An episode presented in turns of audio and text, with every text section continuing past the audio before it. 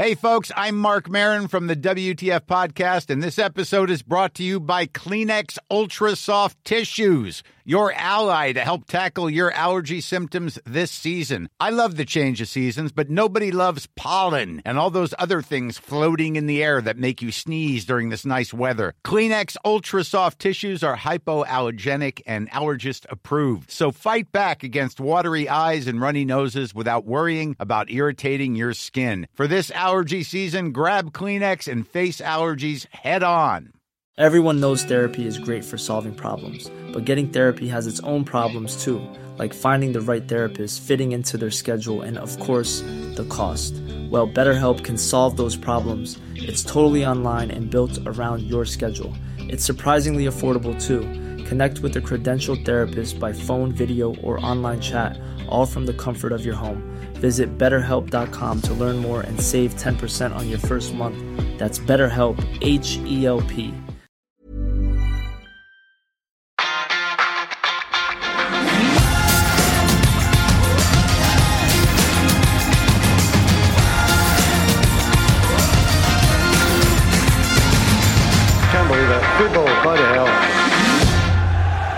Da var bryteren av igjen. Vendepunktet vi trodde var et vendepunkt, raste med 0-3 mot Bournemouth.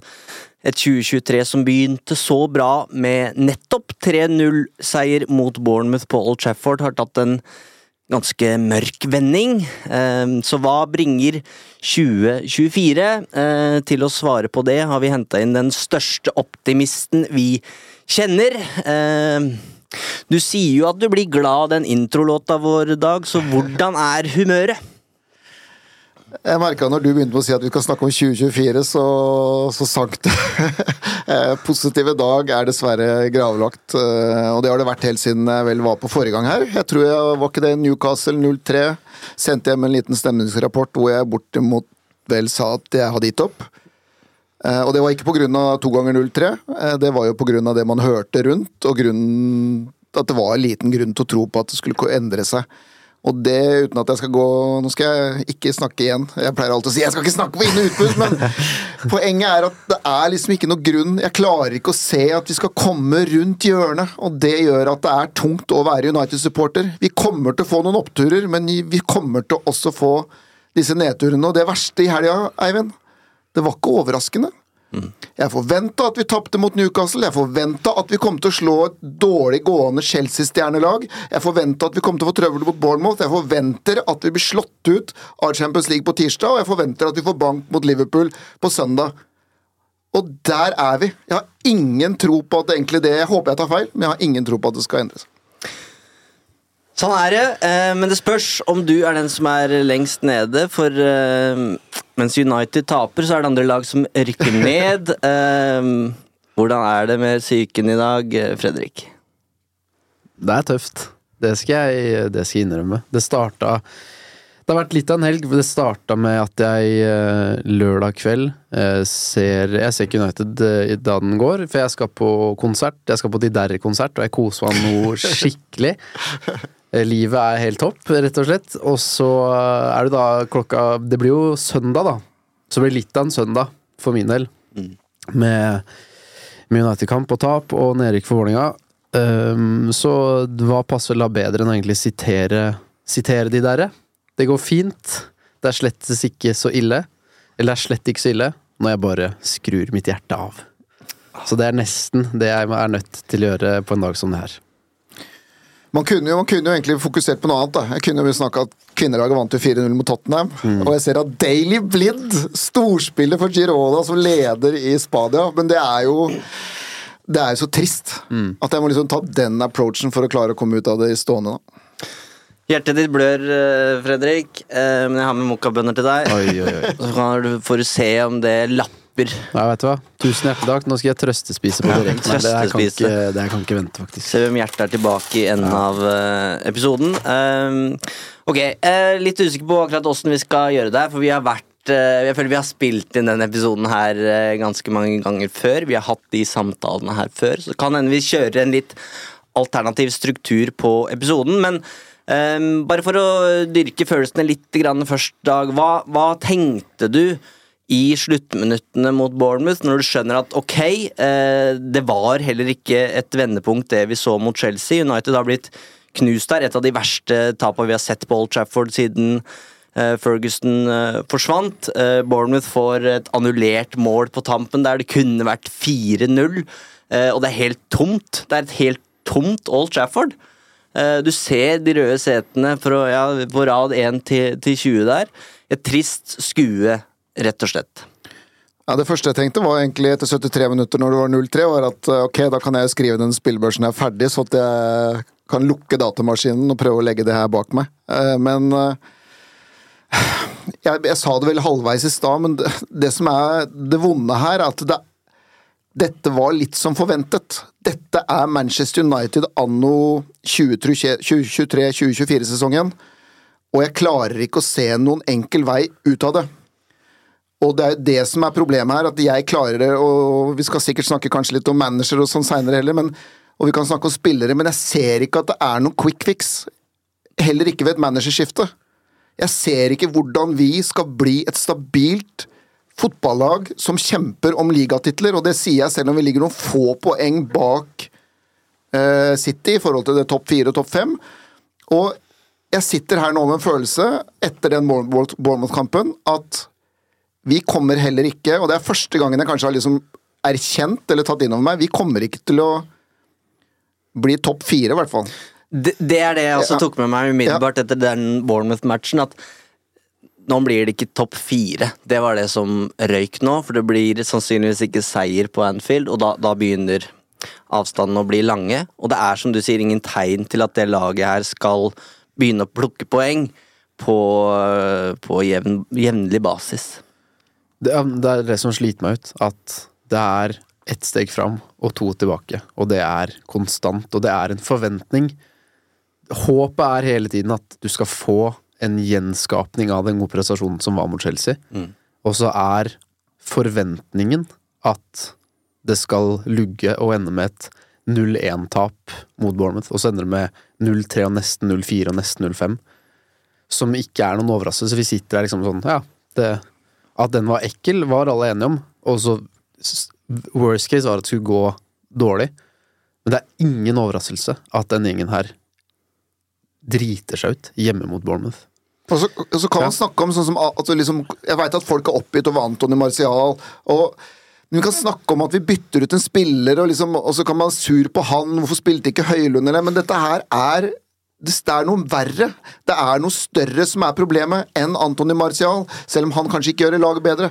Vi har helt andre problemer, og det er derfor jeg på en måte Vi kan godt si bytt, liksom, Poenget er at nå spilte jo med ni av de elleve som var gode mot Chelsea. Eller som funka mot Chelsea. Og så ser det ut som det her. Og så kan man, Nå kan vi begynne å snakke ned Chelsea også, for de tapte jo mot Everton. Så poenget er at vi bare Alt som er positivt, med en gang vi egentlig har landa det, så blir det dratt fra hverandre i neste runde igjen. da. Så Og, og svaret, det enkle svaret på hvorfor er det så ustabilt Altså, hvorfor går man fra eh, det man leverte mot Everton til å levere det man gjorde mot Newcastle? Hvorfor går man fra å levere det, det man leverte mot Chelsea, til det vi fikk se mot Bournemouth? Det handler jo bare om at Manchester United er ikke et veldig godt fotballag. Og så, kan, og så går det jo litt, nå litt idrett i det, da, og, og, prøve å sette en diagnose på hva er problemet. Er det manageren? Er det spillerne? Eh, er det Glazers? Og svaret er jo dessverre at det er Du kan helgardere. Det er alle, det er alle tre. Du har en spillergruppe der hvor det er ukultur eh, og manglende kvalitet. Altså det, det, dette er en gruppe som har kasta andre managere under, under bussen før, og vi veit, Fredrik, at Den Haag har ikke hatt de spillertypene som han vil for å spille sin fotball. Men du har også Ten Hag som ikke klarer å implementere sin spillestil eller sin filosofi. Han klarer Nå ser det verre ut enn det du gjorde for ett år siden. Og så har du en klubb som er drevet dårlig eh, egentlig siden 2005, men som vi nå ser har sett konsekvensene av eh, siden, ja, i, ti, i ti år, da, etter at, etter at Ferguson forsvant. Så det er jo en trehjulssykkel her med tre punkterte dekk, og da vil det gå opp og ned. Noen ganger så vil Ten Hag treffer på kampplanen, og McTominay er skikkelig påskrudd og får betalt for de løpene han har inn i boks mot Chelsea. Mens mot Bournemouth så er det en Iraola der som har sittet og sett den Chelsea-kampen og sett Her får vi rom. Hvis vi gjør det vi, vi skal med, med, presset vårt, så kommer vi til å få kontringene og, og, kunne straffe United her. Og det er jo det som er, som du er inne på, Dag, som er den store eh, bekymringa. Ja, jeg, jeg, liksom hvor skal man Hvor skal denne debatten gå videre? Fordi jeg kan også bli Jeg kan, jeg kan kjede meg når vi skal diagnostisere, fordi det er repeterende. Vi vet hva som er Eller vi, vi sitter i hvert fall her og tror vi vet hva som er feil.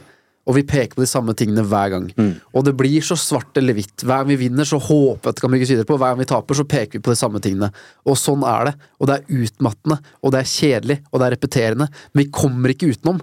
Og det er terapi for meg også å sitte og prate om det, men jeg klarer ikke å bringe noe nytt på bordet og liksom si at ja, nå er det den tingen som er feil, for det er bare en, en mølje med ting som gjør at vi, vi, føler at det ikke kommer noen vei, da. Mm. Hva, hva, kan skje? Er det, vil det skje noe annerledes når Inios kommer inn? Er det da vi skal begynne å håpe at det skjer noen endringer? Det er det eneste som ligger der framme som kan potensielt endre på ting, da, føler jeg, sånn som ting er akkurat nå. For, for, det som ja. kan skje, altså hvis du skal dra, dra det litt lenger, da, det er jo at uh, Ineos har jo vist i NIS at de ikke er redd for å gjøre endringer når ting ikke fungerer.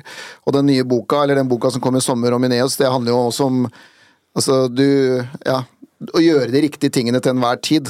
Uh, og de kan jo komme inn nå og gjøre en endring med manager. Det er jo det som er naturlig i så fall. Eh, og konsekvensen av det kan være at Manchester United blir bedre i 2023-2024. Det er helt åpenbart. Det vil ikke være overraskende.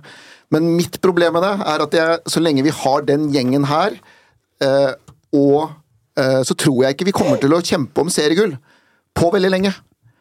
Og da er vi litt sånn tilbake til start, for da kommer vi kanskje til å få en forbedring ved et managerskifte denne sesongen her.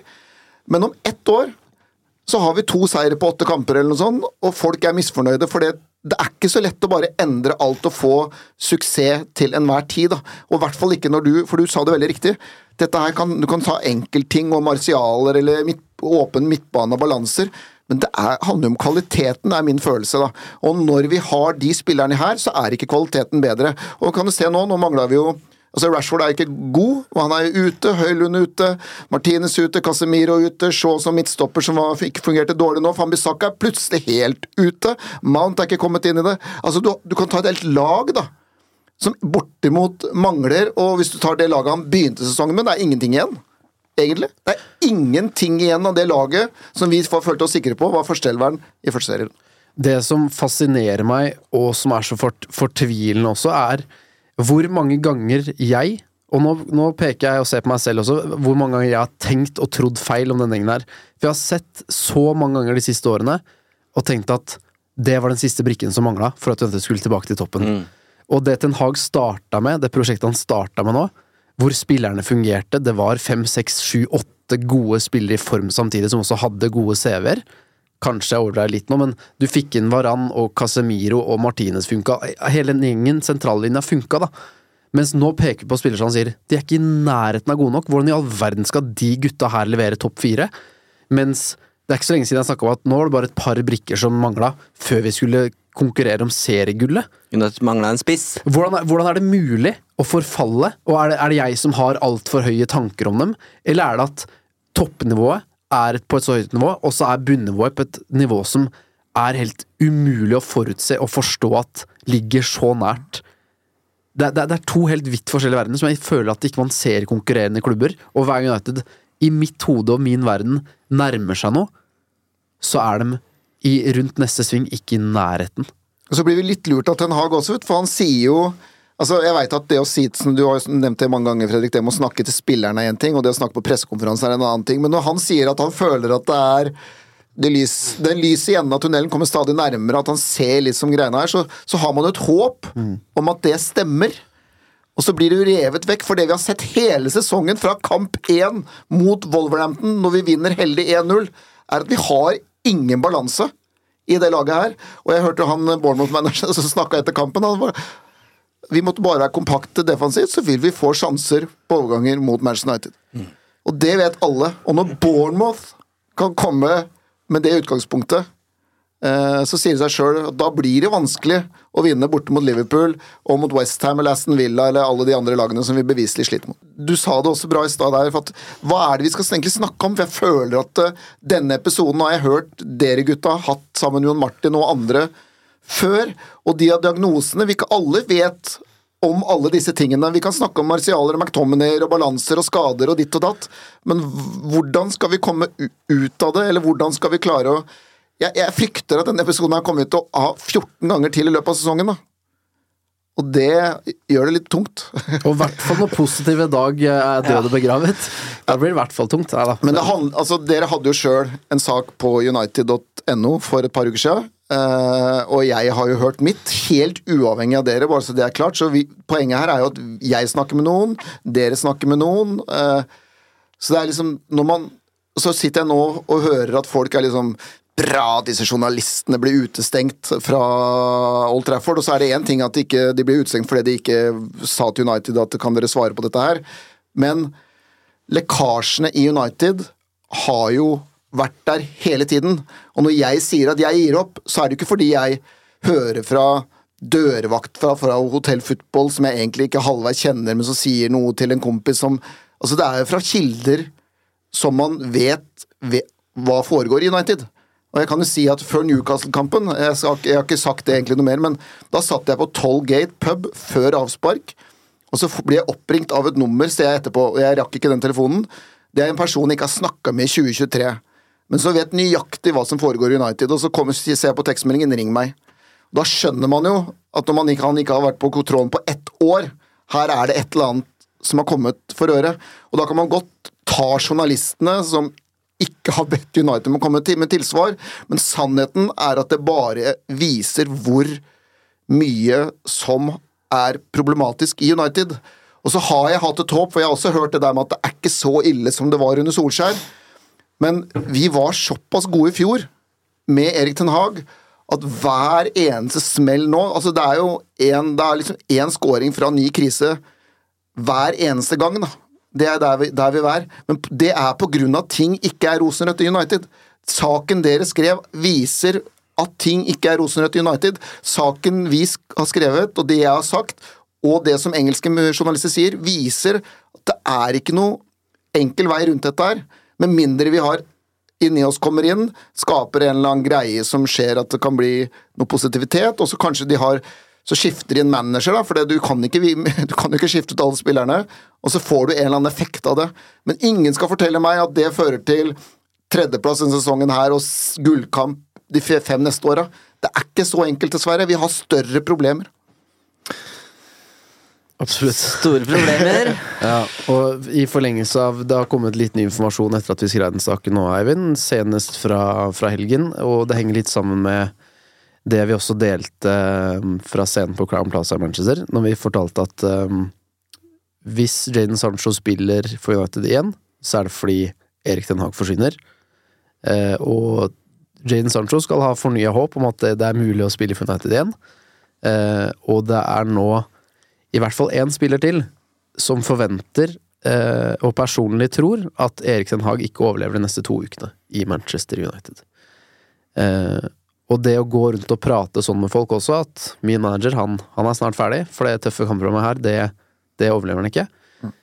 Det sier også noe om de mekanismene du kjemper mot, og som gjør at jeg personlig tenker da, hvordan i all verden skal disse gutta her grave opp resultater mot gode motstandere? Eh, så det, det er eh, Det er mørkt. Og Jaden Sancho har jo sine kompiser i den garderoben, og det er liksom sånn Eller det er ulike grupperinger og klikker og alt sånne ting, og så kan man godt si at uh, hvis Jaden Sancho har vært for, for sent på trening nå over lang tid, og så, har jo, så ser jo alle det, men fortsatt, du kan tenke deg sjøl på jobben. Er du på lag med sjefen eller kompisen din hvis noe skjer? Ofte så vil du havne på lag med kompisen din, selv om han kanskje ikke har verdens beste struktur over sitt liv. Da. Og da er det sånne mekanismer som slår inn, som slår gærent ut for manageren. Men jeg vil bare si én ting før jeg bare sender videre. Jeg er jo fortsatt der, da. Og jeg veit at det her er jeg uenig med mange andre. Det er ikke Erik Ten Hag som er det største problemet i United. Jeg tror aldri vi kommer til å komme videre som klubb så lenge vi ikke får på plass den disiplinen som han i hvert fall har et ansvar for. Da. Men jeg er også usikker på om Ten Hag blir riktig mann, fordi det er så mange monster i United og prosessene. Men vi kan aldri tillate den spillemakta som har senka flere managere. Så det, var- jeg vil bare ha det i bunn. Spillerne har et stort ansvar, og det du har vært inne på der, er jo helt grusomt. Altså Hvis du begynner å Det du fortalte nå, da. Og hva som skjer rundt en spillergruppe, og nå kan de på en måte Ok, vi kan bli slått ut av Champions League, og de kan på en måte akseptere det. Fordi det kan føre til noe. Å tape bort mot Liverpool, det vil alle skjønne kan skje. Og så har du Westham borte og Aston Villa hjemme. Og som du sier, da er det to uker spilt, da. Og da er det jo kanskje Da er vi kanskje tolv poeng bak topp fire, ikke sant. Mm, Men tenk, det, i det gitte eksempelet du kom med, hvor man, er man på lag med sjefen sin eller kompisene? Så tenker jeg at det som også avgjør det, er jo hvor bra gjør sjefene. Ikke sant? Da er det lettere Hvis Den Haag vinner alle fotballkamper med sitt lag, så er det veldig vanskelig å støtte kompis som er utenfor. Eh, og når han kompisen sier at er sjefen er helt idiot, når alle andre sier at nei, han er genial, han vinner kamper og får alt til å funke. Men når det lugger, da er det mye lettere å være enig med kompisen sin. da Eh, og det andre du snakker om også med Hva, hva, hva annet var det du var og? Hva, Ja, nå har jeg helt glemt hva jeg snakka om for 20 sekunder ja, jeg, hadde, jeg hadde et poeng der, Else, men jeg mista det. Jeg tar det opp igjen hvis jeg, hvis jeg kommer på det. Vi kjører eh, en uh, jingle. Uh, I just love United. Jeg avbryter deg, for jeg kom på det. Det jeg ville si, var at det som også gjør at jeg tror Ten Hag kan leve lenger, er at da han ble ansatt, eller var i prosess med å bli ansatt, så tror jeg han visste hvor mange ting som ikke var på plass, blant annet disiplin og disse tingene. Og det at han hele tiden har pekt på det fra starten, at dette kommer til å bli en enormt stor jobb for meg å få til, fordi sånn og sånn og sånn. Disse tingene kan han fortsatt peke på, og også da bruke som unnskyldning for hvorfor ting tar tid, og hvorfor ting er vanskelig. Det gjør at også Ten Hag kan overleve lenger. Men igjen, han kan bli spist opp av alle disse mekanismene som vi hele tiden snakker om. Det var det jeg hadde. Ja, Det bringer oss egentlig inn på det jeg tenkte vi skulle um, snakke litt om nå, og det er Erik Den Hag. Um, jeg tenker Vi kan snakke om manageren først, og så kan vi se litt på spillerne etterpå. Vi har fått mange spørsmål om, om begge deler.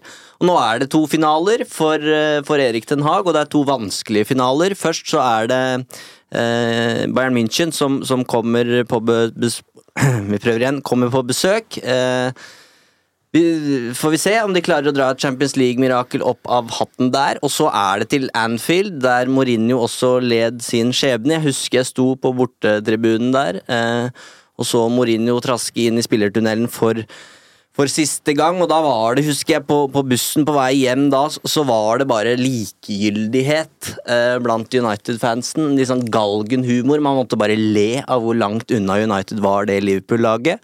Og, og, og det, kan jo, det kan jo skje igjen. Eh, hvis Den Haag taper på, på Anfield, så har han ett poeng mer enn det Mourinho hadde etter samme antall kamper eh, den sesongen. Um, så hva tenker dere? Eh, er, det noe, er det to finaler? Er det så enkelt som at to, med to tap mot Bayern, München og, og Liverpool, så vil dette monsteret som Manchester United er, sluke nederlenderen? At da er det ingen, er det ingen annen løsning? Jeg, eh, jeg misliker den tankegangen så sterkt. Jeg veit at det er sånn det funker. Eh, en, en styreleder eller en sjef som sier at hvis ikke du vinner den kampen der, så er du ferdig. Jeg syns det er helt patetisk å tenke sånn, fordi du kan ikke styre utfallet i en kamp. Det kan skje de villeste ting. Hvis du spiller en fantastisk kamp da på Anfield, og så ender du opp med å tape 1-0 på overtid på et straffespark imot, så får du sparken på bakgrunn av det, fordi at du ikke fikk det resultatet du ønska deg. Man kan ikke styre resultater. Man kan, man kan bestemme over en prestasjon på veldig mange måter. Og så skjønner jeg hva som vil skje i en gruppe om de ryker ut av Champions League, og hvis de får juling på Anfield. Jeg skjønner mekanismene, og at det kan føre til at han får sparken. Men for min del er det sånn at, at United skal slå Da, da må vi stikke fingeren i jorda. Hvor er det United befinner seg? Har de kvaliteten i det hele tatt? Ja, de kan sikkert raske med seg et eller annet mot Bayern eh, hjem, på hjemmebane. Jeg forventer tap på Anfield. Skal Ten Hag da få sparken? Jeg, jeg har bare lyst til å det, det er en sånn greie for meg da, at én kamp eller den En ting er hvis du går gå inn, en, eh, gå inn et program da med seks kamper mot enkel motstand. Det er topp seks, eller bunn seks du skal møte. Da kan man godt si at hvis du taper disse kampene her, så er du ferdig. Men det andre blir for meg altfor tilfeldig, da. Men jeg, jeg tror ikke Ja, hvem er det som styrer den prosessen nå? Er det Patrick Stewart, er det det han heter? Uh, det er jo i så fall uh, helt absurd. Men jeg tror jo ikke at United-ledelsen kaller inn Ten Hag til et krisemøte i dag og sier nå må du snu det her mot Bayern og, og Liverpool, ellers så er du ute. Det, det tror jeg ikke. Men effekten av de to, to tap, to nederlag der, vil være så enorm. Fordi det er Manchester United er ikke det beste laget i verden. De er langt unna å være det.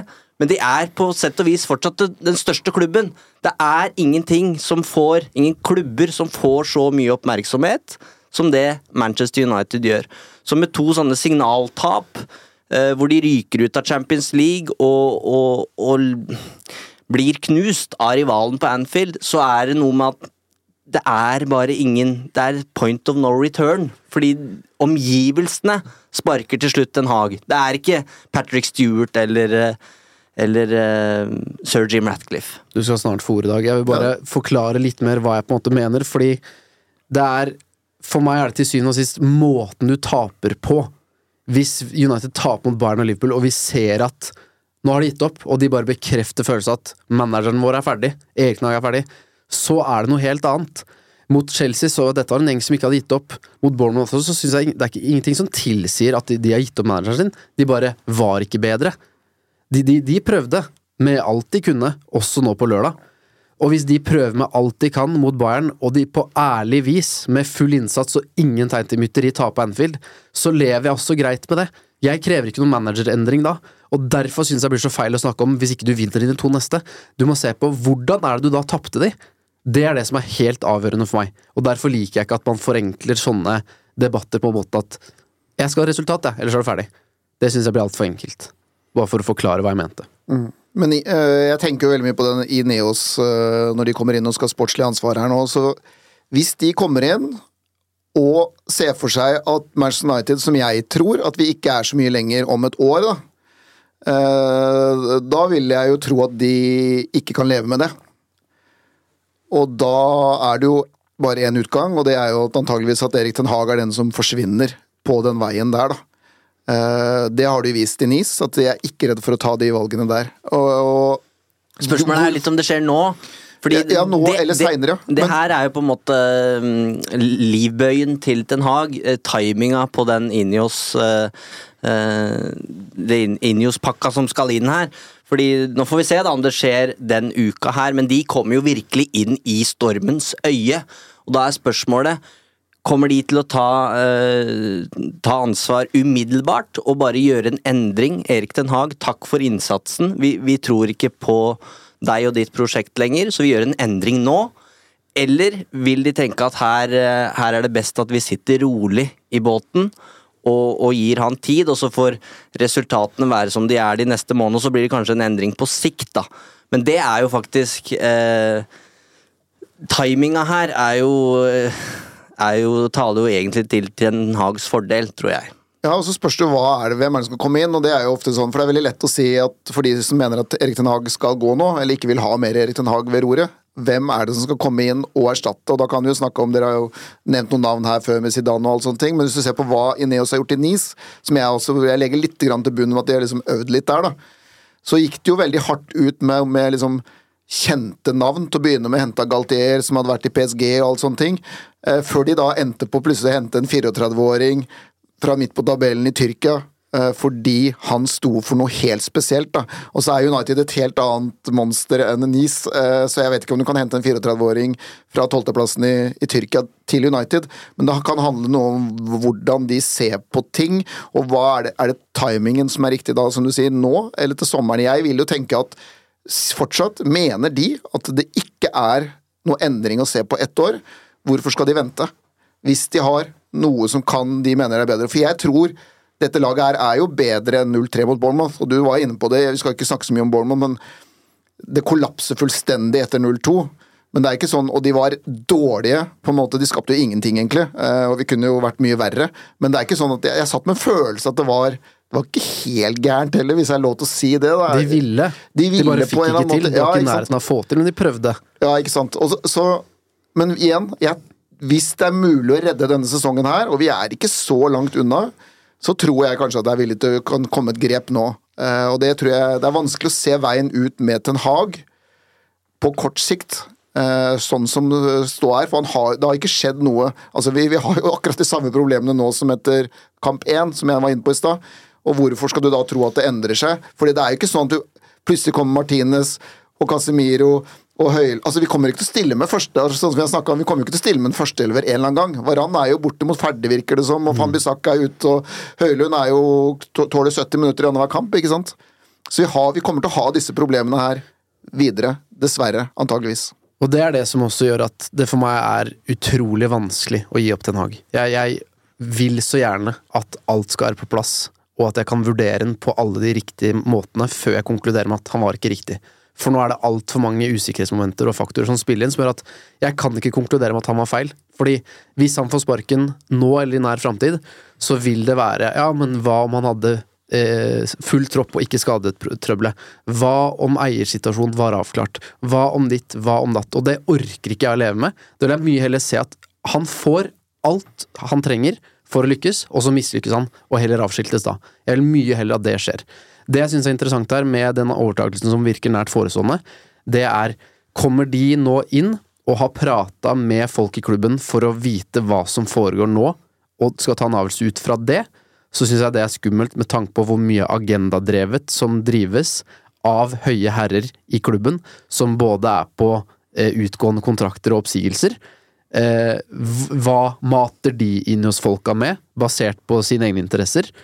Eller skal Injos inn og på en måte Nå skal vi danne oss et inntrykk. Vi kommer inn her og vil ikke vite noe om fortiden, vi skal danne oss et eget inntrykk. Det vil også gi Ten Hag langt eh, mer tid. Men jeg tror ikke det er sånn det funker. Jeg tror du innhenter informasjon og sitter med en klar formening om hva du skal foreta deg når du kommer inn, fordi du har ikke tid til å bruke så mye tid på alt det andre. Og da tror jeg Ten Hag er ferdig. Hvis de skal lytte til hva andre folk driver med nå. Fordi det foregår så mye giftig i den klubben og det er ikke bare spillerne. Det er Jeg snakker med folk som jobber i klubben, eh, og i avdelinger der folk trives med hverandre og har det hyggelig, for det fins det jo heldigvis. Men wow! For Altså, det, det er ikke til å tro hva som foregår. Og derfor er det Du kjemper mot noen krefter som er Ja, jeg, jeg, kan jo, jeg vil fortelle hvorfor jeg ikke ønsker at Ten Hag skal gå. da. Så er det jo fordi Ten Hag har vist hva han kan få til med et Ajax-lag som har atskillig dårligere ressurser enn veldig mange andre. Men Ten Hag har også vist at han kan få til ting med Manchester United. For, for forrige sesong. Og så vet jeg at forrige sesong virker nå ekstremt langt unna for oss, men det er det har vært mye som har skjedd det, det året her, da. Jeg mener at det er for tidlig å være i en sånn posisjon at vi fordi vi ligger på sjette-sjuendeplass og har dårlige prestasjoner over et par måneder eller over noen måneder, skal gi opp en manager, da. For da kommer vi nok til å komme Da blir det mange managerskifter framover. Så han har vist hva han kan få til i flere klubber. Han har vært og kjent på bortimot en Champions League-finale, var i semifinale med Ajax det siste minuttet her sånn, mot Tottenham. Eh, og Dermed så mener jeg det er for tidlig å gi opp ved første motgang. Og det er faktisk første motgang, selv om det har vart en stund nå. Så er det første motgang. Og det er jo bare et par uker siden vi også var formlaget sånn rent resultatmessig. Så det er ikke sånn at det har vært helt deraila eller gått av hengslene. Så jeg mener at vi må stå i dette. Det er, og jeg skal ikke sammenligne helt med Miquel Arteta sånn i, i, Arsenal, men det, det, to, det tar litt tid av og til. Og erfaringen er vel ofte at jeg vet at store klubber skifter managere, og store klubber kan da treffe. Men erfaringen er jo ofte også at kontinuitet er det som skal til hvis du skal lykkes, spesielt i Premier League, hvor nivået nå er så skyhøyt at Bournemouth kan komme og slå oss 3-0 på Old Trafford. Så. Og vi, vi, kan ikke bare glemme det som skjedde i fjor. Vi kan ikke bare glemme hva Ten Hag utretta med Manchester United i fjor. For det, det gjorde han. Og uansett hvor legge det føles ut siden nå, uansett hvor mye vi rister på hodet av laguttak, bytter, manglende grep fra sidelinja, så har han utretta noe også her. Jeg vet at mange sier at ja, men det var Ajax. Det var Ajax som gjorde det. Nei, han har gjort det i United også, og det er det som også gir meg en tro.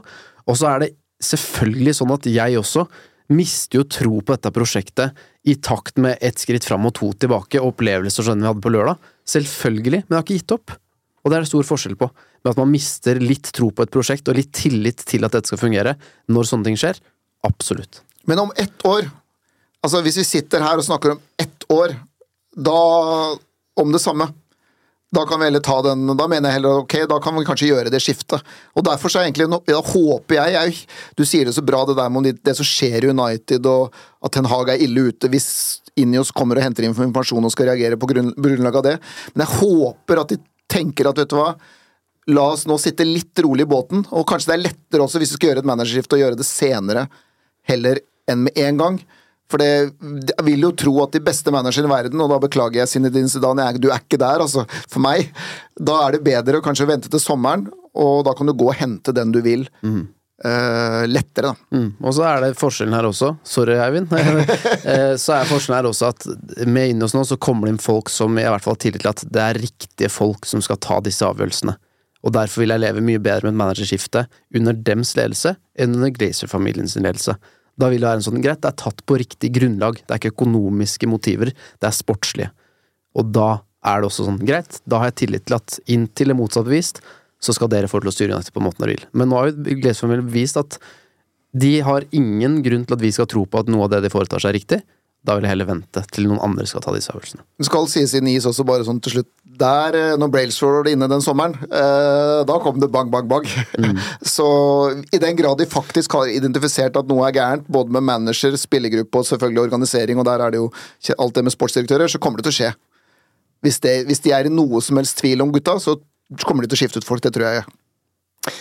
Dere er begge Ten Hag inn-ekstremister, vil jeg nesten si. Eh, ikke alle som er helt enig med dere i det. Eh, nå er det Ten Hag ut, klarer ikke å argumentere for valgene. Ole, Ole, Ole, Ole, skriver Preben. Eh, er Ten Hag rett mann? Feil elver gang på gang. Dårlig taktiske bytter. Varan i fryseboksen. Fra Nilsen. Eh, er det over for Ten Hag? Hvorfor ser han ikke problemene på midtbanen som vi alle ser. Ny manager, ny runde med noen positive måneder, for deretter å havne i akkurat samme situasjon, eh, spør eh, Lars Olav. Jeg skjønner spørsmålene og frustrasjonen godt, jeg. Ingen problem med det i det hele tatt. Og så er det Jeg tror Ten Hag ser problemene. Jeg tror han prøver å gjøre noe med det. Jeg tror han ligger våken om nettene. Jeg tror han ser på analyse. Jeg tror han snakker med folk. Eh, hva, hva, skal gjøre, hvorfor funker det ikke? Og det er også et kjempeproblem, selvfølgelig. Men jeg, jeg skjønner at folk er lei, men for min del så tror jeg bare Jeg orker ikke en sånn der eh, midlertidig positiv effekt. Jeg vil ha noe langvarig. Og den tror jeg ikke fins ved å foreta seg noe nå. Det er derfor jeg også sitter rolig i båten. Jeg er frustrert og fortvila, jeg òg. Men uh... Det største problemet til Ten Hag det er at de har tapt med mer enn tre mål. Eller de har sluppet inn mer enn tre mål. Ni ganger den sesongen her. det er helt sinnssykt stygge tall. Det er helt, det er helt vanvittig. Så de lekker som ei sil, og det skriver jo Øyvind Eide i sine taktiske analyser, at det er så dårlig organisert.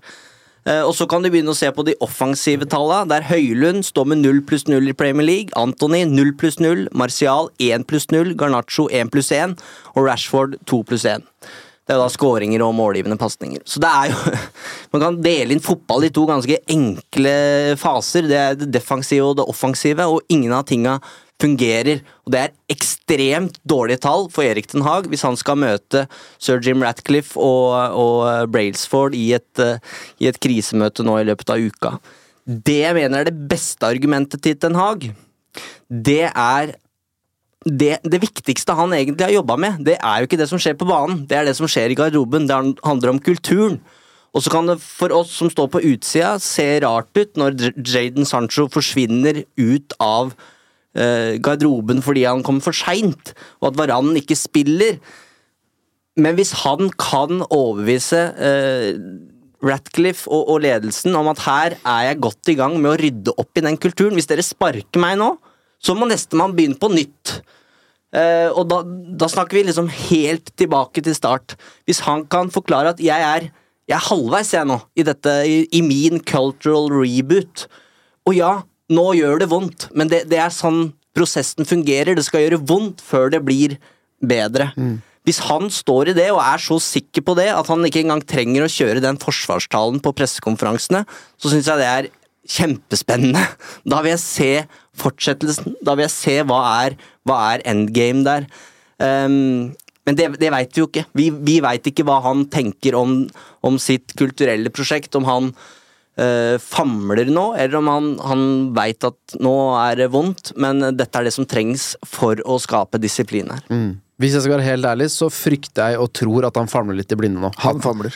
Og så er jo håpet, da, at han har sittet, da for han, husk, husk hva han tok over, da. Husk at han tok over etter Ralf Ragnhild og et lag som det så ikke ut. Det var ikke en eneste spiller her som brydde seg eller hadde lyst til å få til noe. Ingenting. Og så gjorde han det han gjorde i første sesongen sin.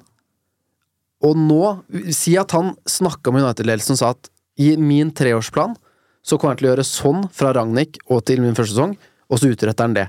Men i min, eh, i min jobb med å rydde opp og endre kultur og få inn disiplin, så kommer jeg til å miste noen på veien også. Hvis han har vært i forkant og forutsett noe av dette her, jeg tviler, men jeg håper, så er jo det også noe kan si at dette, jeg har sett noe av dette komme. Jeg, jeg, ikke sant? Jeg, nå graver jeg dypt her, for jeg håper virkelig at han har på en måte sett dette litt komme. For jeg, også, jeg var veldig forberedt på at det skulle gå dårlig i sesong to, det har jeg sagt mange ganger. Ikke så dårlig som det er nå. Men jeg, jeg, det er mange ting jeg tror ikke har kommet som en overraskelse på han, og så tror jeg samtidig at det er så ille at det var ikke, det var ikke her vi skulle være nå. Men jeg bare håper at han måtte veit hva han driver med, og kan si at men det, jeg sa jo dette, vi skulle jo møte på disse hindrene og problemene her, så, så stol på meg. Ta heller og arrester meg om ett år, hvis jeg har bomma da. For jeg, jeg tror han er i gang med noe som kan bli bra. Men selvfølgelig, jeg ser jo jeg ser kamper og resultater, jeg òg. Du begynte jo den lille talen din med det, alle disse baklengsmålene. Eh, men i fjor, hele fjor i Premier League hjemme, slapp inn ti mål. Eh, Det har vi jo sluppet inn mer enn allerede denne sesongen her. Og det viser jo at når han hadde da i fjor en sentrallinje hvor du kunne spille med stort sett eh, Martinez og Varan, og Casemiro som var god, og Bruno Fernandes foran der, og det var vel egentlig det som var sentralt i dag, for spiss hadde vi vel ikke da heller, eh, så funka det hele sesongen, egentlig. Eh, og det ble tredjeplass, det ble to finaler, og det ble trofé. Og vi var jo ikke så langt unna fra uavgjort mot da Manchester City faktisk var verdens beste lag på slutten av den sesongen der. Og så har det gått av hengslene denne sesongen her. Men det viser jo at det han drev med da, i hvert fall var bra nok. Eh, Det var i hvert fall bra nok da. Om det er bra nok til å vinne ligaen, det er det kanskje ikke, men man skulle jo tenke at det ble det. Hvis du fikk inn denne spissen, og du fikk inn et par ting. Og det er da vi nå er tilbake. For da, Nå snakker jeg meg inn i trøbbel igjen, på en måte, jeg, eller på vegne av Ten Hag. For det, det er hans valg denne sesongen igjen som har slått gærent ut. For Mason Mount har jo egentlig ja Nå har han ikke vært og sett på noen bilder på trening igjen på tre uker eller noe sånt. Eh, ikke spilt hele sesongen, og han blir jo satsa på sånne store midtbaneforsterkninger, og så kaster du inn på Som åpenbart at han, det er et eller annet som at beina, beina er raskere enn kroppen. Det er et eller annet rart med hvordan han jobber. Og, og, og så velger han å bruke Maguire inn, og da vi, klarer vi ikke å stå like høyt som før. Men så har han også mista spillere pga. skader. Men han har påført seg selv mye skade også, syns jeg, da. Og derfor så syns jeg det er så lett når du trekker fram alle disse som har sendt, eh, sendt inn spørsmål, da, eller sagt hva de mener om Ten Hag. Det er så lett å forstå dere. Fordi han gjør mye galt fordi han famler, tror jeg, da. Mm. Men jeg kommer ikke unna av at jeg tror flere ville famla med det utgangspunktet som han fikk utover sesongen, og spesielt fordi det var mye skader med en gang. Og det ble jo ikke noe bedre at Høylund heller også kom inn med skade, da. Og så kan man godt si da at ja, men jeg har sett avis, engelske aviskommentarer skrive at eh, det er et ekstremt stort eksempel, eksempel på hvorfor United ikke fungerer, at vi bruker 70 millioner på en 20-åring eh, som han. Men der er jeg litt uenig, da, for det kan godt hende at dette her er det som må til fordi at vi skal være best i 2026, 2026 da, hvis han har eh, forutsett det, det som du snakka om i stad. Kanskje tenke litt lenger, da. At det, jeg skjønner at vi lever jo med skuffelsen og, og det som er bra, hver tredje dag. Men han har, det er en eller annen soleklar plan som er videre. Og jeg er fortsatt helt sikker på én ting med Ten Hag, og det er jo, var jeg aldri med Mourinho, eksempel. Det er jo at han tror virkelig at det er mulig å bli best med Manchester United på den måten han gjør det, da. Eh, Jeg tror ikke det samme om alle spillerne, i hvert fall ikke heller etter at du sa det du sa i stad, basert på hva vi har hørt. da.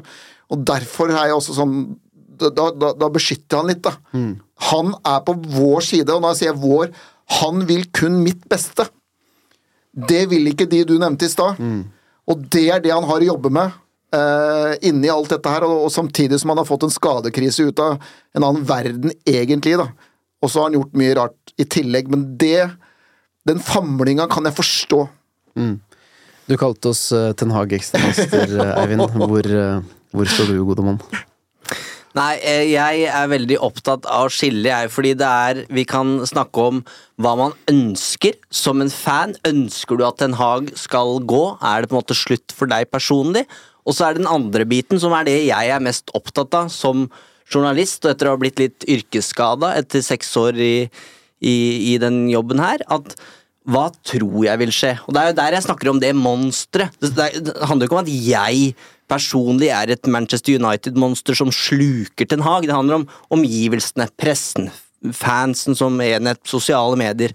Eh, Så det er jo det egentlig jeg er mest opptatt av. Men eh, poenget mitt med, tan med tanke på Ten Hag nå er jo at hva, hva, er, hva er alternativet? Eh, og, og at han bør få jeg ser på en måte ikke hva at løsninga er å, å kvitte seg med manageren, så, så hva er hva er alternativet? Um, og vi er ikke der vi var med Mourinho uh, på Anfield, som, som jeg snakka om, hvor det er så giftig i den garderoben. Og én ting er gift, eller den giften man snakker om i den garderoben, men den kom jo fra manageren. Altså, det var han som var, var han som satte tonen i USA i, i 2018.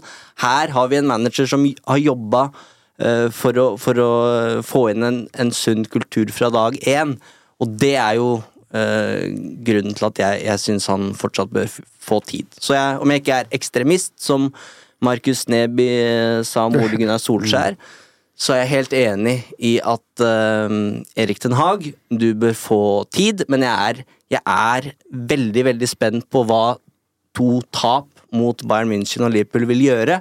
Fordi vi kan sitte her og snakke om at vi har troa på det her på lang sikt, men jeg tror også at om en uke så kan vi sitte her med et helt annet mindset, fordi de kampene blir ikke som du håper, Fredrik. Det, det ser ikke bra ut. Eh, altså, de taper, men det ser bra ut. Det, det, det tror jeg ikke kommer til å skje.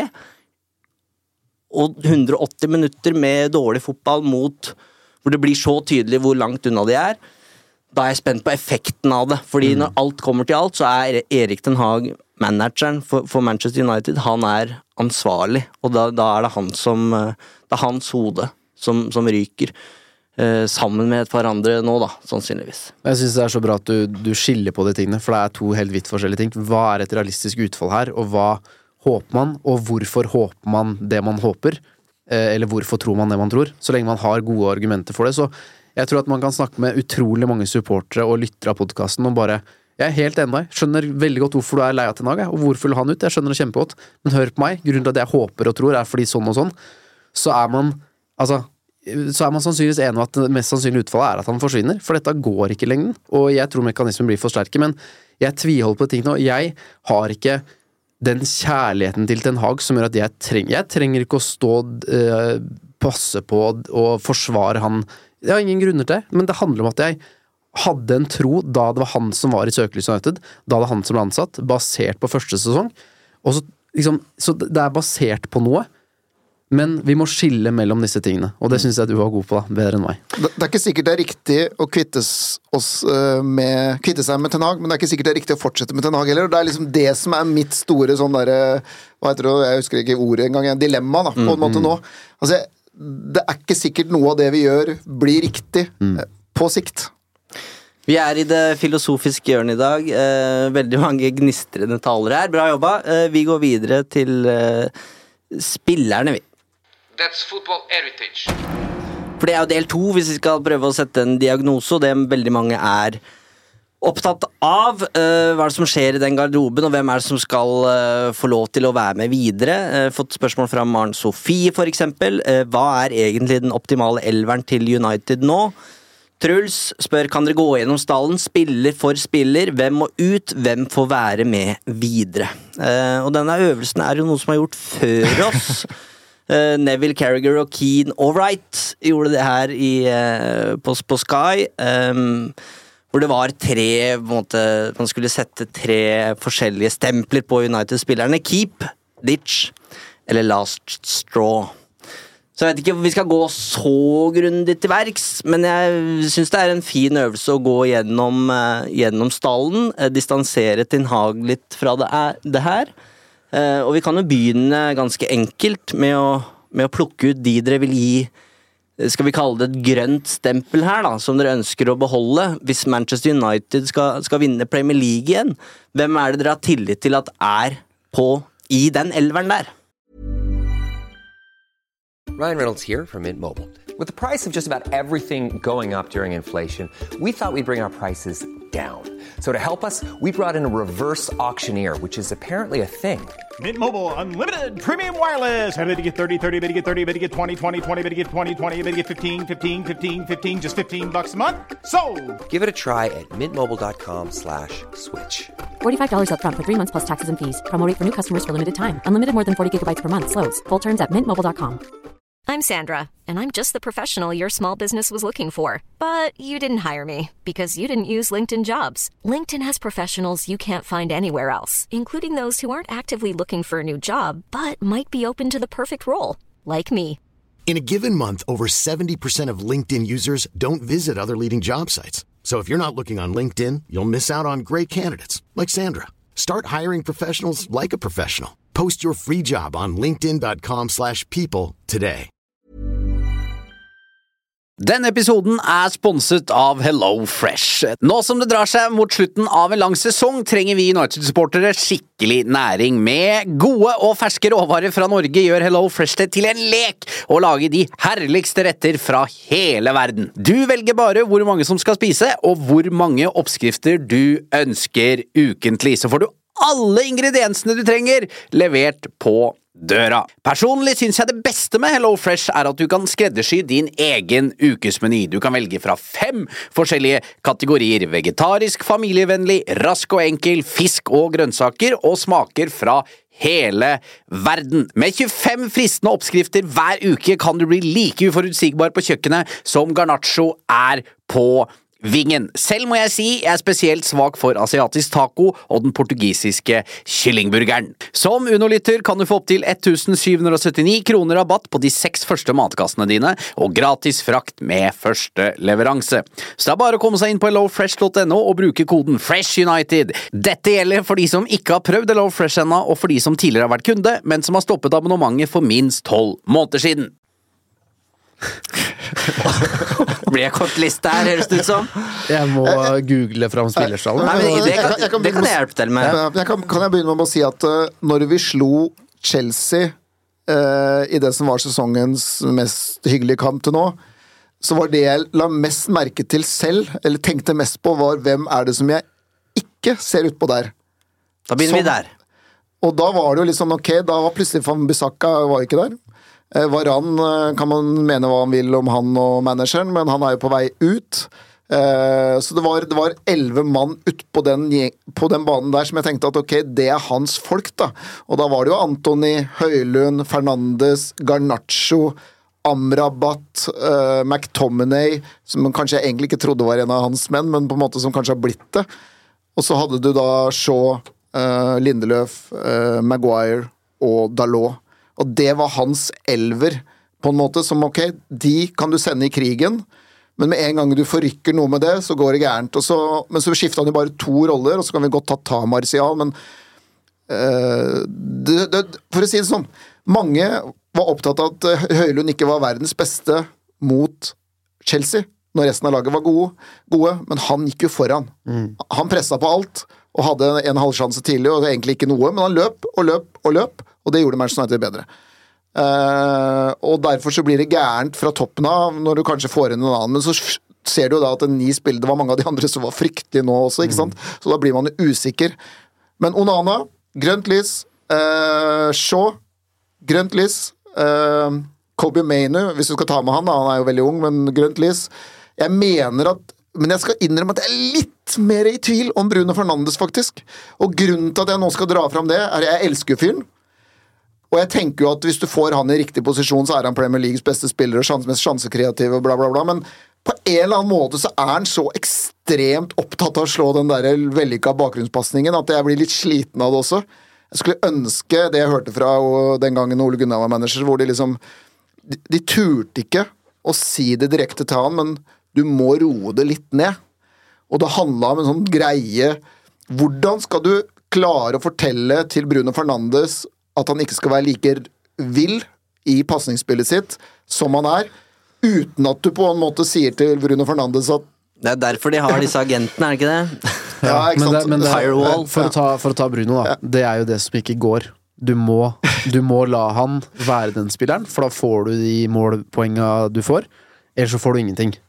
Eh, og jeg føler at man i perioder i United-karrieren har sett tegn til at han har fått beskjeder av Ten Hag. Og så at Ten Hag kanskje har sagt at vet du hva, fortsett som før, du. Uh, dette, dette funka ikke så godt som jeg håpa på.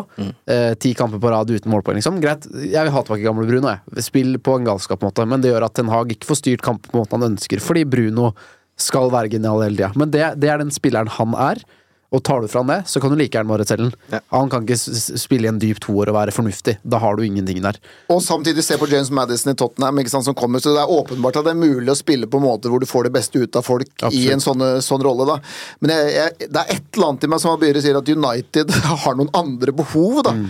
Og du, det kjenner du ekstra på i en sånn sesong som det her, men igjen, han var god i fjor. eh, Og skapte veldig mye i fjor, da. Men eh, Vi gjør det på en annen måte. Jeg drar gjennom troppen. Eh, Dere sier gult, eh, rødt eller grønt lys. Blir det her Litt- mer sånn barneskolevarianten her? Jeg er bare med hvis du er med. Du må også Eh, ja, Ja. selvfølgelig. Jeg, jeg stiller hvis det er det som skal til for å få med deg, Absolutt. Fredrik. Eh, André Onana.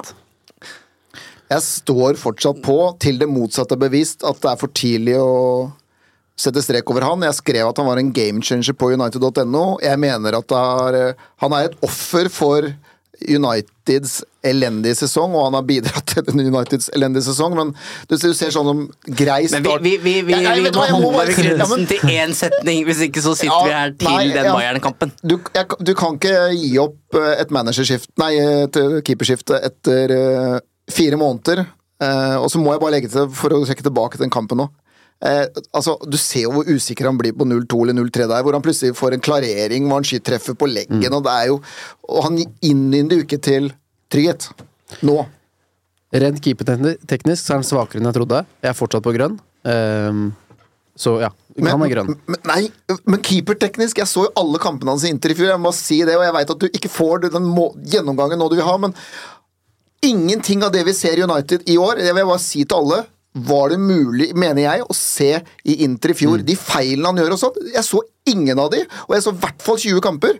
Og det er så viktig å få med seg at det er ikke André Onana 2023-24 er ikke den André Onana De hadde ikke kjøpt den, da. Nei, ikke sant? Det er såpass enkelt, og det må folk ha i mente her, da. Så jeg bare skulle ønske at han hadde fått Jeg vet ikke om vi må ha en ny manager, da. Men, altså fått et, Stått bak et velfungerende United i noen kamper, da. Så får vi se. Kan vi heller da Da kan vi ta den Grønt, gult eller rødt lys på Onana fra deg? Jeg ga, jeg ga grønn. Ja, Da blir det tre grønne på André og Onana. Jeg tror vi dropper eh, reservekeeperen og de, de keepertekniske vurderingene der. Ehm, så vi går til høyrebekken. Aron Van Bissaka. jeg, jeg, jeg, Kan jeg ta med Dalot med en gang, nesten? Ja da. Ja, For det er nesten sånn Jeg vil beholde en av de. Eh, men jeg klarer ikke helt å bestemme meg. Men jeg, jeg er nok mer på Dalot, men det er litt mer fordi at så har vi Ten Hag. Så virker det som han er mer happy i forhold til det der inverted systemet og trekker fram med midtbanen og skjønner alt det. Men Hvem gir du grønt, og hvem gir du da gir jeg grønt til eventuelt Dalot og, og rødt til Fambisaka. Motsatt her. Jeg gir eh, grønt til Wambisaka fordi han kan spille en rolle i enkeltkamper eh, og tette en defensivt. Jeg syns Dalot er for dårlig offensivt og for dårlig defensivt, så jeg vil heller ha en ny back som kan være veldig god på de tingene han ikke er god på. Så beholde Wambisaka for bredden eh, og kamproller, eh, og ut med Dalot. Ja, Gult på Wambisaka fra meg, og rødt på Diogo Dalo. Jeg syns en av de skal være backup for en mye bedre Mm. høyreback. Um, vi uh, fortsetter da mot venstre og tar stopperne. Og begynner med Maguire. Uh, kanskje sesongens beste spiller. Rødt. Ja, det er vanskelig da. Er For når du faktisk nå endelig bare leverer lyset, så må vi nesten spørre om en kort begrunnelse. Nei, det handler jo bare om at uh, jeg ønsker generelt raskere midtstoppere Uh, som uh, er mye mer komfortable med å stå høyt. Og jeg skjønner fortsatt egentlig ikke, uansett om hvor at han, han har vel bortimot vært beste spiller denne sesongen her. Men jeg mener på en eller annen måte at vi blir dårligere av det, og jeg syns det er vondt, uansett hvor dårlig Rafael Varan var i den ene sjansen han fikk nå mot København. å se han på benken. Altså hvis Det han leverte i hele fjor, og det han Jeg veit toppnivået hans, så er det sånn ok, la oss stå på midtbanen da, med Varad heller enn Maguire. Beklager, altså. Ehm, gul. Jeg, men jeg, jeg er også sånn Timingmessig er det så vanskelig. Uh, for jeg mener, i likhet med deg, at han har hatt en god sesong, men det går litt på bekostning av hva United skal være god på. Og så må jeg bare si noe som handler litt om hele diskusjonen her. Det som er vanskelig, er at du kan jo ikke selge en hel spillertropp. Du må ha backup-løsninger og sånne ting. Så grunnen til at McGuire ikke får rødt av meg, er fordi at jeg ser for at det kan spille en rolle også. Hvis han lever med å være en rotasjonsspiller og ikke fast, så overlever han i min bok. Men er det grønn fordi han spiller fast, så gir jeg heller rød.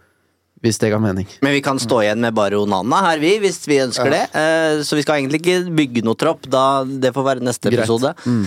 Eh, rødt på Maguire fra meg, og det syns jeg ble sagt veldig godt i den episoden som du og Jon Martin eh, Fredrik hadde med, med Øyvind. eh, At Grunnen til at Maguire er god, er jo fordi han får forsvar i boks. Mm. Men det er jo ikke det Manchester United skal. Nettopp. Så jeg ønsker meg en ny midtstopper der. Varan, da hørtes det ut som det ble grønn der fra, fra deg i dag.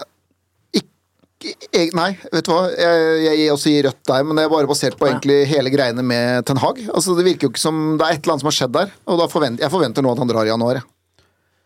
Jeg tror han er ferdig, eh, og derfor rødt. Og jeg mener også at han egentlig bør erstattes, fordi han, han er så god at han skal spille fast, Mm. men det har han ikke kropp til, og da må han erstattes med en som er like god eller bedre. Det er vanskelig å finne, men han må ut, og vi må få ut en som kan erstatte den.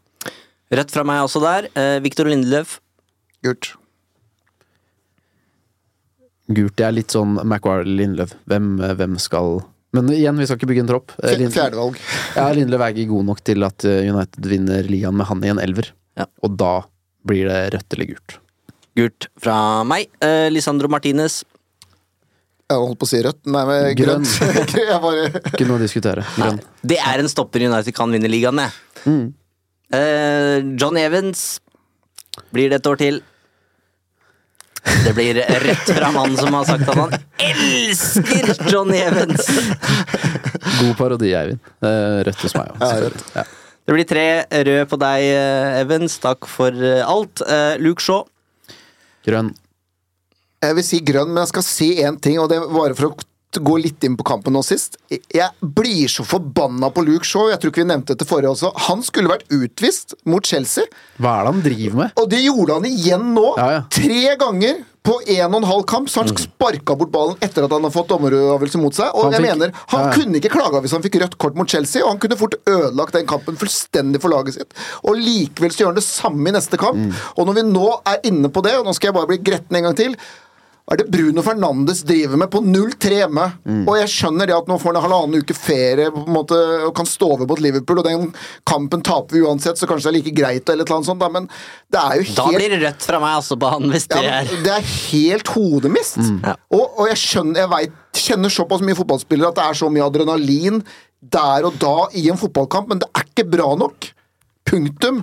Og det gjelder på Luke Shaw og Bruno Fernandes. Og Bruno Fernandes gjorde jo dette her fra kamp to mot Tottenham. Da fikk han det første gule kortet sitt, mener jeg, for klaging. Og så sitter vi fortsatt, og nå må han stå over eh, den viktigste kampen for veldig mange United-supportere pga. sin egen dum, dumskap i for mange kamper. da. Og det er det jeg mener med liksom at jeg nesten snakka han litt ned i stad. Søren, altså!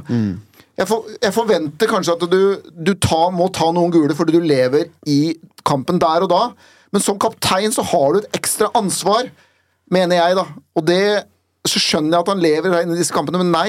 Vi forventer mer, Bruno, enn akkurat der. Får, du kan gå til dommeren, snakke med dommeren, men du ta, pådrar ikke deg gule kort på den måten der. Og hvis ingen sier til Luke Shaw at han ikke skal sparke bort ballen igjen etter et frispark nå, og han får gult kort på det, da er det nesten bare å gi opp. For det, er et, det er et lederansvar også, mener jeg, til spillerne. Og da blir det på Luke Shaw. Grønt. Det er ikke lett å holde de gutta her i eh, ja, Grønt. ja, jeg, jeg sa grønn, jeg òg. ja. Grønn fra meg, og helst som venstreback, Luke. Um, nødbekken, Regulon. Rødt. Rødt. Rødt. Uh, Malaysia. Gult. Gult. Gult. Men uh, faretruende nære rødt der. Ja, for vill. vill. Ja da, men eh, han, eh, tvilen får komme til gode den situasjonen her nå. Gult. Vi beveger oss opp på midtbanen, og la oss ta nysigneringa først. eh, Mason Mount. Jeg står jo på at han kommer til å bli bra, men jeg, jeg må si at jeg blir litt urolig av skadene. eh, som bare fortsetter å prege hverdagen hans i United. Og så er jeg jo veldig usikker på har Ten Hag kommet på andre tanker? For hvis han henter han for å spille sammen med Casemiro, og ikke er villig til å la han spille sammen med andre Så jeg ser ikke for meg at han skal trenge spille høyre kant, på en måte. Eller vi kan ikke ha Mason Mount som backup til Bruno Fernandes. Så jeg syns det, det er mye som Det er mange spørsmål rundt han, men jeg er fortsatt på grønt. Syns du sier det fint, jeg. Grønt fra meg òg. Eh, og så spørs det litt hvor, hvor sta er Ten Hag, da? Eh, skal han For jeg tror Mount kan bli god i en rolle i United uansett, men sannsynligvis ikke den toeren, for min del. Og er Ten Hag så staten kjøper en ny en, eller står han ved det? Det avgjør litt, men Mount som spiller vil gjøre United bedre hvis han får riktig rolle. Grønt. Liker ikke at eh, Ten Hag ikke hadde en klar eh, plan for Mount. Gult fra meg. Eh, Toppskårer McTominay. Kult. Den der syns jeg er så vanskelig. Men der har jo jeg lyst til å gi grønt til McTominay som en mm, troppsspiller, da. Ja, Mm. og øh, får jeg lov til å utbrodere litt? Ja. Ehm, jeg syns jo Nå var ikke jeg med på episoden etter Chelsea, og det var egentlig fint, for jeg tror det hadde passa veldig dårlig å komme med McTominay-kritikk etter den kampen der. Men eh, jeg syns at det er en spiller som eh, illustrerer veldig godt hvor vanskelig det er for Ten Hag å velge et lag. Fordi hvis ikke McTominay bidrar med en scoring eller to, så er det nesten å spille med en mann mindre. Mm. Veldig strengt og brutalt sagt, men det, det mener jeg, for han mangler så mye. Og så har noen kvaliteter som gjør at man også i det ene øyeblikket elsker han, og i det neste øyeblikk bare rister man på det. Er det mulig å være så svak på så mange ting? Så han eh, får verken grønt eller rødt av meg, men han er et kjempetvilstilfelle som jeg gir gult, eh, hvis han kan være en rollespiller en, i, i en tropp. Og så er det det der med Scott McTominay at eh, han visstnok Jeg husker ikke egentlig hvem jeg har snakka med, eller om det er dere jeg har snakka med, eller hvordan det er, men det er et eller annet med at han ikke helt ser, har sett sin rolle etter sommeren i United, vel. Jeg tror det er vi to som har prata Ja. sammen i dag. Det høres riktig ut. Ja. Det er en som eh, også uh, syns det har vært vanskelig. Og, og, og det er mange med samme skjebne i United som har sine ting på privaten og som syns ting er vanskelig. Og han fikk med seg han at han var uønska i United i sommer, at United i utgangspunktet ønska å cashe inn på han. Det har han fått med seg, og så har han fått en større rolle enn han trodde. Men det er noe med tilhørighet da, og mangelen på den følelsen som også gjør at uh, han heller ikke har hatt det sånn kjempegreit i United denne sesongen, her, til tross for at han har hatt sine lysglimt og bidrag. Men det teller veldig også, det kommer, bare så jeg sier det høyt én gang. Det, det der med at folk har vært i United hele livet, da, det betyr noe for meg. Og uten at vi skal snakke om Rashford allerede nå, så er det sånn Det er noen spillere som kjenner klubben så ekstra godt, og noen spillere som har vært ganske flinke til å også bry seg om andre i eh, akademi og ditt og datt og, og sånne ting. da. Og jeg tror at de spillerne som har vært i United hele livet, at det, er, det betyr mer for de enn for noen andre. Og det, blir det liksom det, det er viktig å ta med for den gjengen. da. Så når jeg sier gult på Scott McTominay, så skulle jeg veldig ønske at han kunne kommet inn i 78. minutt hvis vi trenger en scoring, da. Ja, Han får grønt av meg, da, som får keep. Altså Ikke det at han skal være i elveren, men det skal være en del av klubben. Og så er problemet med McTominay også at dersom United selger han, han går inn i Westham-laget, og vi ser hver lørdag Skulle til Bayern. Ja, men si at vi hver, hver lørdag vi ser høydepunkt fra Westham-kamp, da, så har han et positivt bidrag eller en scoring, så er det sånn ah, Hvor dumme var vi som slapp han for 30 millioner pund? Men totalpakka der gjør at det er veldig tvilende til at han ja. Jeg gir heller grønt til 30 millioner pund, faktisk, hvis det er alternativet. Casemiro. Gult. Grønt. Åh. Er du på rett? Ja. Hæ?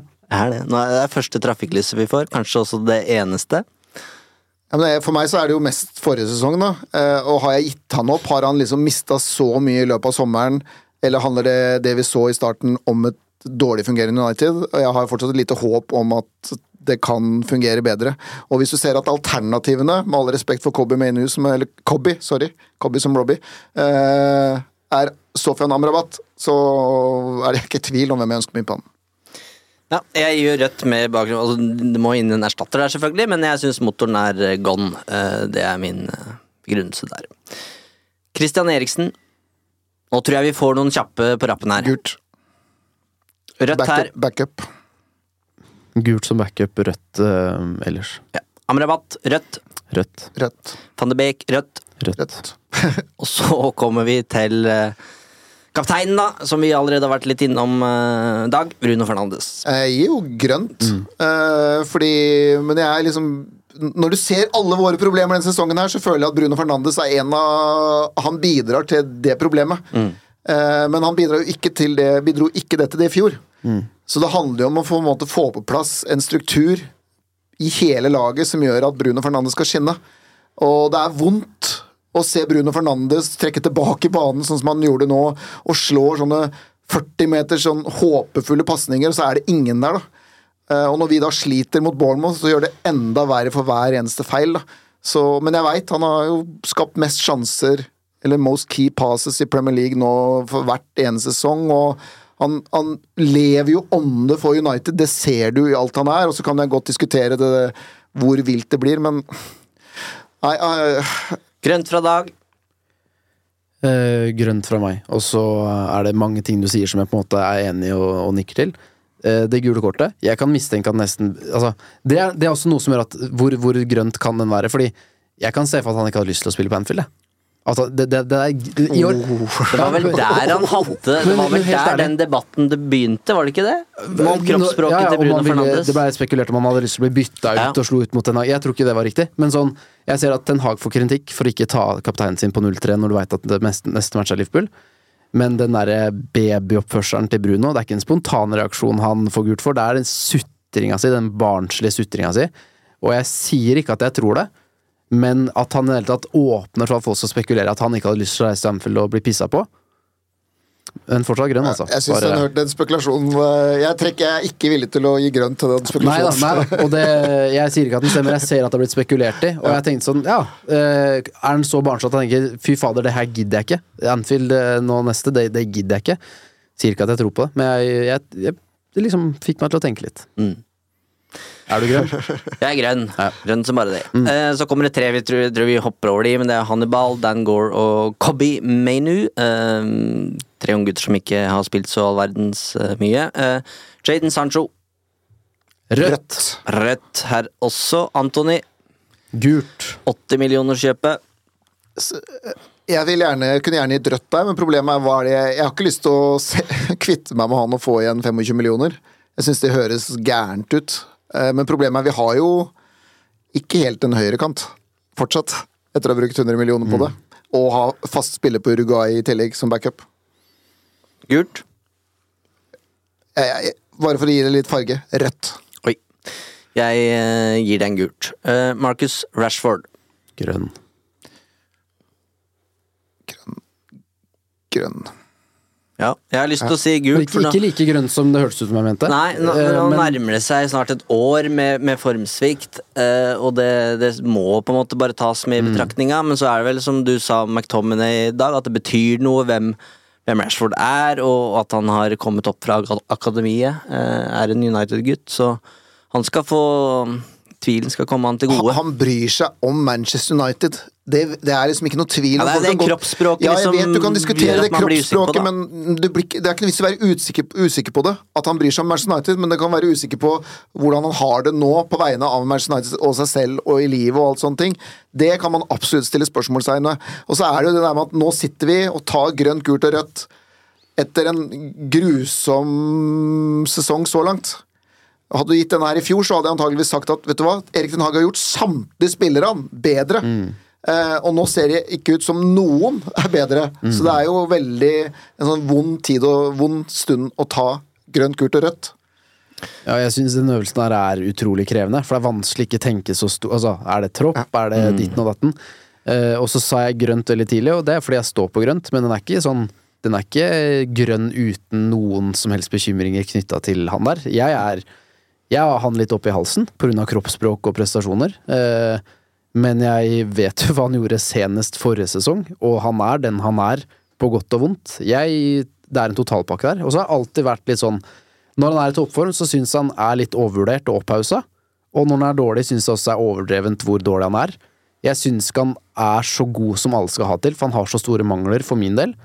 Og så har han samtidig noe som er helt ekstremt bra, som gjør at han selvfølgelig har en rolle å spille United, men om tre år at han er fast United Jeg vet ikke. Er det, er det det, har han nivå som skal være med på United til seriegull? Han er i hvert fall en av de nærmeste, det viste han i fjor. Men hvis jeg, hvis jeg spør, jeg. Kan jeg sende en grønt og rødt til dere? 100 millioner euro for Marcus Rashford. Grønt eller rødt? Nei, Med tanke på hvordan United bruker disse millionene, så er det fristende å si rødt. Ja. Ja. Ja, okay. Nei det er- For der hadde jeg gitt grønt. Ja. Ja, og jeg også, jeg syns den er veldig fristende, og så blir jeg litt sånn Det minner for mye om uh, Rooney-situasjonen den gang. At skal, altså, hva gjør det med resten av troppen? Hvilke signaler sender det? Eh, og brukes penga feil, så vil det være sånn fallitterklæring. Vi har ikke ambisjoner som klubb, vi selger vår største stjerne. Så ringvirkningene det kunne fått, men sånn isolert sett, det er mye penger for en spiller som ikke nødvendigvis har vært så veldig mye mer, og som jeg også tror er mulig å erstatte der ute. Eh, Rashford eh, får grønt av meg også. eh, får tre, grønt av tre av fire eksperter. Gult fra Roy Keane. Ja. Um, Garnaccio. Grønt. Grønt. Grønn. Eh, Pelistri. Rødt. Rødt eller gult. Rødt. Men det er utrolig synd! Jeg skjønner ikke Han spiller for Marciel Nei, Marcelo Bielsas Uruguay, og hvis du vet hva Bielsa er- står for, så handler jo det om presspill. Jeg har ikke sett Uruguay, men jeg forventer det, da. Så hvorfor spiller og da, Nå skal jeg bare trekke vårs tilbake til denne Bournemouth-kampen. Hvorfor starter vi da med Antony Marcial og beklager Marcial? Hvorfor spiller ikke Antony spiss, som han gjorde mot City en gang i fjor, og så dytter hun Pelistri på kanten, og så er hele målet det er sånn at vi skal være like rå og på som mot Chelsea. Og det skuffer meg. For det er sånn derre Ok, hvis ikke Høylund kan spille, så er det liksom Martial må spille hver gang. Nei! Du skal bruke de spillerne som er villige til å løpe hele tida. ja. eh, Rasmus Høylund Grønt. Soleklart, eh, soleklart grønt. og grønt fra meg, og da er det sistemann. Hei, Antony. Han er ganske dagens rødeste. Ja, ja. Få det, få det langt vekk fra mitt åsyn. Tenk om det var, det var en annen podkast hvor de sa Tenk om United forlegger med han det et, et år til. Eh, Da vil det bli riots, sa de da. Vi skal runde av nå, men, eh, men det er nok dette vi har fått flest spørsmål eh, om i dag. Hvorfor i alle dager eh, er det Martial som, som starter på topp mot Bournemouth? Igjen, da, ikke sant. Det er en treningsuke. Eller nei, det var det ikke, men det var noen treningsdager, da. Eh, mellom kampene her, hvor du kanskje ser at Rasmus Øylund kan ikke starte igjen. Eh, Martial gjorde det greit på trening. Da er det den løsningen man gikk for. Jeg, jeg er helt enig i at han, han skal ikke starte, han. Everton-greiene var bare sånn som det alltid er med han. Det var en eh, enkelthendelse som var positiv, og så er totalen og resten negativt. Jeg er møkk lei, og jeg skulle likt at, den, Haag fant en annen løsning på det, sånn som du skisserte her i dag. Eh, og så er det ting vi ikke får med oss og ser, som jeg på en måte tenker at ten, Hvis Ten Hag velger det, så har han en god grunn til det. Min tillit er fortsatt der, så skjønner jeg at mange stusser og blir forbanna. Forklaringa var jo at han hadde spilt godt mot Everton, men det er jo lenge siden nå! Ja, for han sa det, ja. Han sa Ikke det. sant? Ja. Og da, da syns jeg det er for lenge siden. Og så sier han også at Høylund har spilt mye i det siste, men han har jo siden skaden spilt 58, 29, 84 og 34 minutter. Jo, men samtidig, det, nå har vi sånn tre kamper på seks dager, eh, med Bayern som siste av den, og det er ikke noe tvil, altså bare så det er klart, hadde vi ikke spilt mot Bayern nå, eh, på, så ville jo vi spilt med Høylund fra start mot Bournemouth, så her var det en gambling eller offring for å spille et, med et sterkere lag mot Bayern. Soleklart, men problemet med Antony Martial er for så vidt ikke at han ikke er god nok, men problemet mitt med Antony Martial er at han hele tiden ikke er der han skal være, og der Høylund er. Høylund er alltid, nesten, et eh, våpen der. mellom to stoppere. Og når i tillegg da, hvis du klarer å få fram McTominay, og så er det en back eller en kantspill i tillegg, så har du tre-fire automatisk inni, men, inni boksen. Men mot Bournemouth så var jo Martial trekker jo plutselig langt ut på venstrekanten, eller han er liksom ikke inne i boksen. Og da hadde jo, sa jo Bruno det i kampen også, vi hadde jo plutselig ikke spillere inn i boksen heller. Og så blir jo Martial bare ett lite sånn tegn på problemet vårt i den kampen, for da var det mye som ikke var bra nok. Men han, han, han er ikke en spydspiss for Manchester United. Kan ikke være det. Og Erik Den Haag har igjen da, tilbake til dere som er oppgitt over han, det er et eller annet med signaleffekten til Manchester United-supportere. Når du sender ut på han igjen, og så kan det godt hende at du håper på en god kamp, og at du kan selge han for litt mer penger i januar hvis han plutselig hadde skåra to mål til da, i desember. Men signaleffekten til alle som ser kamp, når de ser Martial, er det sånn som det var med Maguire for ett år siden. At folk vil ikke se han der. Eh, og på samme måte så blir det sånn der Nå valgte du Amrabat igjen, ja. Kjør inn på bytt igjen, da. Sett inn på Kobe, Kobi Mainu. Fordi folk ønsker å se på det, og antageligvis er ikke kvalitetsforskjellen så stor forskjell, øh, mener jeg, da. Så her er det sånn Ten Hag i forhold til dere som er oppgitt over han. Jeg er helt enig, det er så lett å bli oppgitt over valg, da. Og det har jo også manageren et ansvar for, da. Og så det kommer ikke han unna. Oi, oi, oi. Da har vi kommet med fasit både på eh, framtida til Erik Den Haag og, og hvilke spillere som skal eh, bli, og hvem som må dra videre. Det har tatt tid. Det har vært en grundig gjennomgang. Jeg håper eh, Håper det var greit. Eh, Jeg syns vi skal gi de som var med helt hit, skal eh, få en eh, liten gulrot, Fredrik. Jeg syns vi skal dele ut en genser, og det skal vi gjøre på litt sånn kryptisk vis. Vi skal legge ut et innlegg på Instagram med bilde av en Uno-genser. Og dere som nå fortsatt eh, lytter og er med, og er våre mest eh, lojale Uno-venner, dere skal kommentere eh, på det innlegget. Sånn at vi skjønner at dere har vært med helt fram til dette sekund. Og hva, Fredrik eller Dag, skal de kommentere? Hva er kodeordet for å få en Uno-genser til jul? Mokkabønner. Nei! Det er eh, Det står skrevet der. Det, da har du beviselig vært med Ikke hele veien. Vålerenga, altså. Skal vi tilbake dit? Nei, nå hadde de løfta deg opp, og så skal jeg dra deg ned Hvis dette var å løfte opp ja. Hva med Daily Blind, da? Siden han leder eh, La, Li i La Liga. Eh, for ja, da er det fortsatt er det litt United-relatert i forhold til totalen. Eh, og så er det ingen som kan forstå det. sånn at Hvis noen ser Daily Blind eller skreves under, så er det sånn ja, Det er ingen som tar at det er mulig å få en genser på vegne av det. ja, men da bestemmer du. Da har du fått to alternativer, og du velger. Da eh, kan dere kommentere Daily Blind på eh, denne Instagram, eh, dette Instagram-bildet som vi legger ut. Og så trekker vi ut en vinner før jul. Prøv å få sendt den før, før det ringer inn. Fint. Jeg har et spørsmål før vi runder av. Eh, hvilken farge endte vi opp med å på en måte gi til Ten Hag?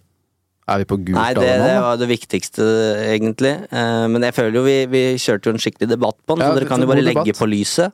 Er det, er det, det gult, da? Nei, det var vel grønt fra meg foreløpig, men det er mest fordi at det var så mye rødt på spillerne at jeg skulle Ja. gjerne ha sett noe med de først. Da. Jeg syns de, de er det største problemet Mm. i Manchester United.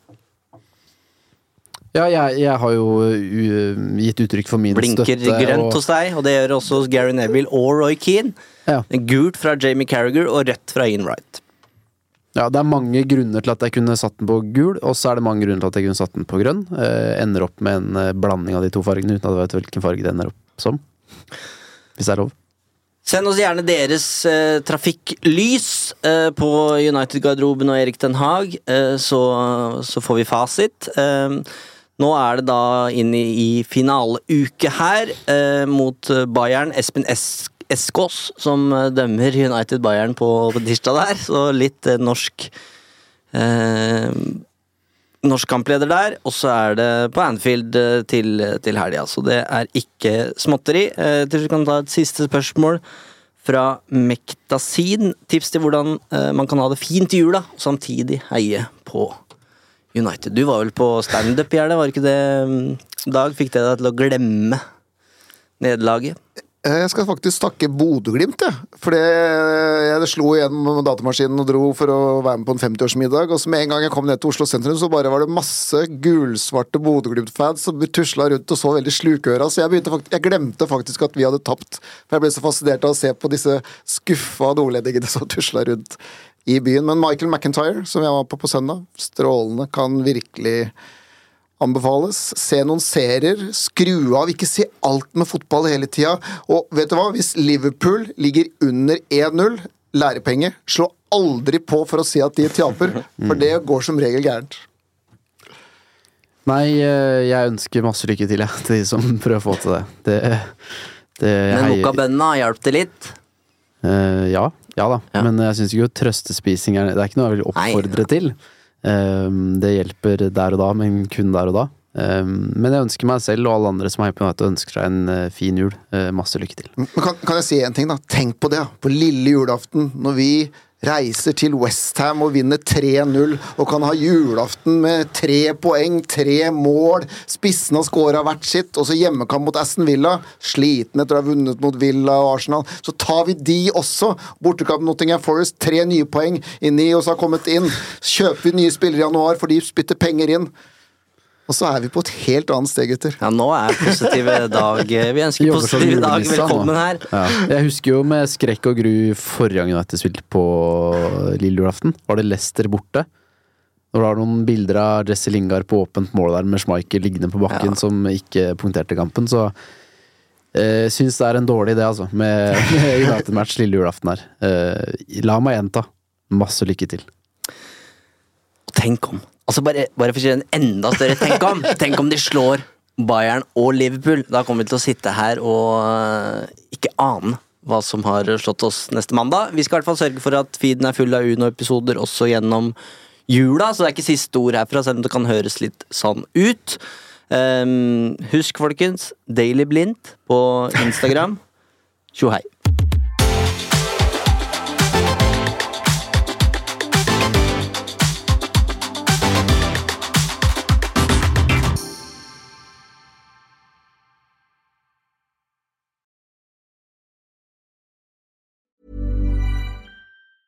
Planning for your next trip? Elevate your travel style with Quince. Quince has all the jet setting essentials you'll want for your next getaway, like European linen, premium luggage options, buttery soft Italian leather bags, and so much more. And it's all priced at 50 to 80% less than similar brands. Plus, Quince only works with factories that use safe and ethical manufacturing practices. Pack your bags with high-quality essentials you'll be wearing for vacations to come with Quince. Go to quince.com slash trip for free shipping and 365-day returns. Mom deserves the best, and there's no better place to shop for Mother's Day than Whole Foods Market. They're your destination for unbeatable savings, from premium gifts to show-stopping flowers and irresistible desserts. Start by saving 33% with Prime on all body care and candles. Then get a 15-stem bunch of tulips for just $9.99 each with Prime. Round out Mom's menu with festive rosé, irresistible berry chantilly cake, and more special treats. Come celebrate Mother's Day at Whole Foods Market.